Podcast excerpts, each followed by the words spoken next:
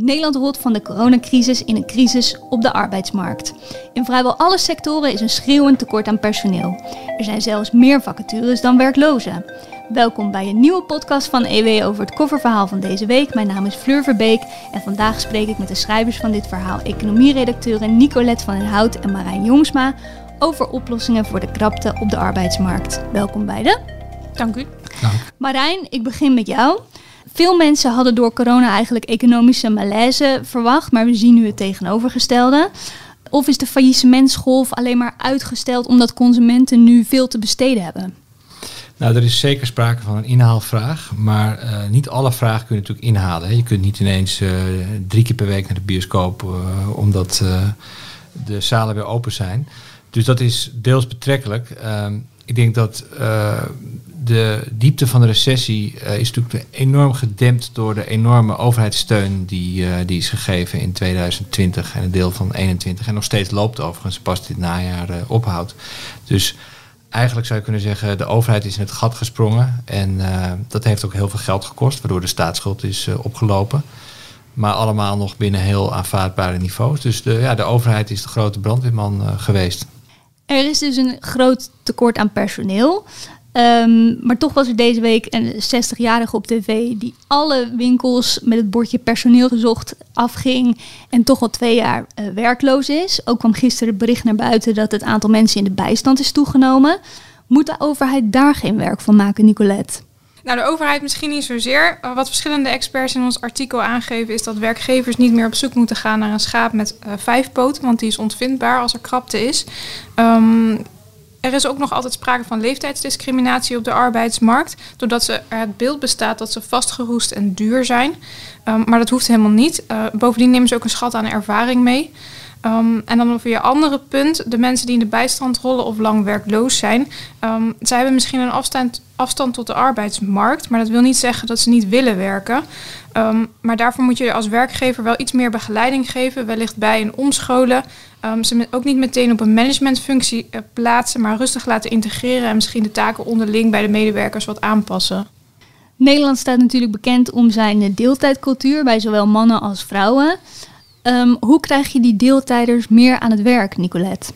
Um, een van de oplossingen zou zijn om de schooltijden en de opvang beter te organiseren, uh, zodat er meer ruimte komt om meer te gaan werken. Um, daarnaast moet er ook naar de kinderopvangtoeslag worden gekeken, want soms is het niet eens lonend om meer te gaan werken. Um, en dan is nog de vraag of mensen ook meer willen gaan werken, want het is ook een, een vorm van verworven luxe. Marijn, welke oplossingen hebben werkgevers nog meer tot hun beschikking? Nou, zoals we in het verhaal eigenlijk aangeven, uh, je kunt op twee manieren naar de arbeidsmarkt kijken. Je kunt uh, kijken van ja, kunnen we het aanbod van arbeid uh, verhogen? Daar, daar, hadden we het net over. Maar je kunt natuurlijk ook methodes verzinnen waardoor je minder personeel nodig hebt. dat staat een beetje haaks op de discussie zoals we die eigenlijk heel lang gevoerd hebben. Uh, namelijk iedere keer als er uh, iets werd uitbesteed aan het buitenland of als een fabriek werd gesloten of uh, als automatisering werd doorgevoerd, dan schreeuwde iedereen ach en wee. dit gaat banen kosten. En ja, bij elke plan of investering stond eigenlijk altijd vooraan van wat levert het aan werkgelegenheid op. maar inmiddels zijn we zover dat je misschien moet zeggen, ja, misschien, het is helemaal niet zo erg als we ergens iets automatiseren wat uh, wat banen kost. Want we zitten nu eenmaal met een tekort aan personeel. En om een voorbeeld te geven, in de dienstensector is het heel lastig om de productiviteit te verhogen. Automatisering in dienst is altijd lastiger geweest dan in de productiesector. door corona hebben we nu ineens allemaal zo'n QR-code op het, op het terras. Dat staat nog een beetje in de kinderschoenen. maar je kunt je voorstellen dat het straks heel normaal is dat in elk café dat je bestelt en afrekent via zo'n QR-code. Um, in het begin vonden we dat misschien wat onpersoonlijk, maar nu denken we van ja, het is best handig, want je weet hoe lang je met je armen moet zwaaien voordat je eindelijk een keer kunt afrekenen. Um, en intussen heb je natuurlijk alleen nog maar iemand nodig om de bestelling af te leveren. Ja, en in de keuken uiteraard. Daar hebben we nog geen goede robot voor. maar dat betekent dus dat je in de horeca, wat altijd heel arbeidsintensief is geweest, dat je met veel minder mensen zou toe kunnen. Nou ja, zo zijn er talloze dingen denkbaar, waardoor we efficiënter kunnen, kunnen gaan werken in de toekomst. Een heet hangijzer is natuurlijk vaak in de politiek het um, aanstellen van arbeidsmigranten. Um, wat is jullie kijk daarop? Ja, je, kunt, je, je kunt natuurlijk zeggen, uh, we moeten oppassen met migratie en, de, en Nederland is al vol. Maar Nederland vergrijst ook. En je ziet dat bepaalde sectoren gewoon helemaal niet zonder arbeidsmigranten kunnen. En dan gaat het ook vaak om arbeidsmigranten uit Oost-Europese landen. Er is in principe één Europese arbeidsmarkt. Je kunt zeggen, ja, we willen dat niet. maar er is ooit een proef geweest in het Westland, in Rotterdam. waarbij ze duizend mensen met een uitkering hebben gepoogd die ver te krijgen om tomaten te gaan plukken. Uh, en uh, ja, correct me if I'm wrong, Nicolette, maar volgens mij bleken daar slechts twee uh, langdurig geschikt voor te zijn. En de rest kwam al snel niet meer opdagen. er zijn gewoon veel mensen die willen dat werk niet eens. of ze vinden het onvoldoende lonend. ja, en, en, mensen uit Bulgarije en Roemenië, die doen dat werk wel.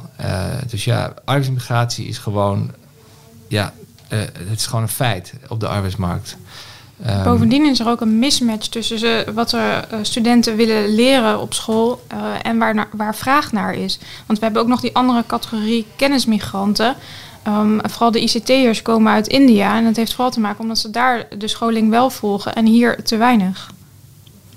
Precies, ga maar eens kijken naar uh, uh, bedrijven als Booking.com. Ik weet niet hoeveel nationaliteiten daar rondlopen, maar dat, dat is ongelooflijk. Dat zijn er tientallen.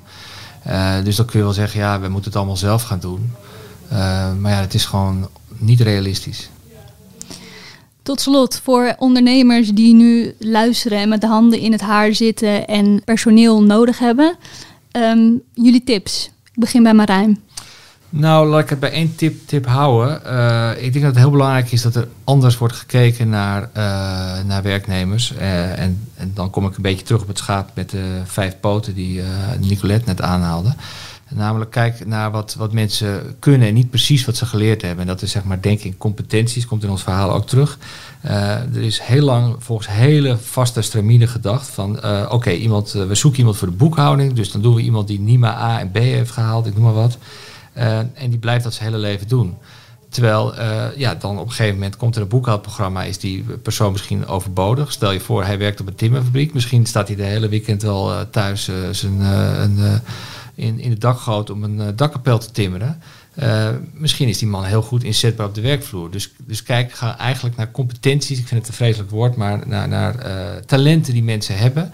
En die je verder kunt ontwikkelen. En denk niet te veel in die vaste loopbanen, waardoor je mensen ook heel moeilijk uh, op andere taken kunt zetten. Nicolette? Dat was de gouden tip. Um, nou ja, de, de vraag is natuurlijk wel, uh, willen, die, willen die werknemers dat ook ingezet worden voor iets heel anders dan uh, waarvoor ze zijn aangenomen? Nicolette? Ik heb het, het UWV ook gevraagd, precies dit. En uh, die zei, uh, in principe is het niet zozeer dat mensen het niet willen. Um, het is maar net hoe je het benadert. Als je ze koud benadert met, uh, oh heb je iets met ICT of met techniek? Dan zeggen mensen al gauw nee, daar weet ik niks van. Maar er moet veel meer duidelijkheid komen over wat een beroep inhoudt. Bedrijven moeten veel meer ook laten zien dat je bij techniek niet per se vieze handen krijgt. Dat het veel, wat het allemaal precies, wat je allemaal moet doen. Dat moeten mensen gewoon veel meer ja, zicht op krijgen. Marijn en Nicolette, ik wil jullie bedanken voor jullie uitleg.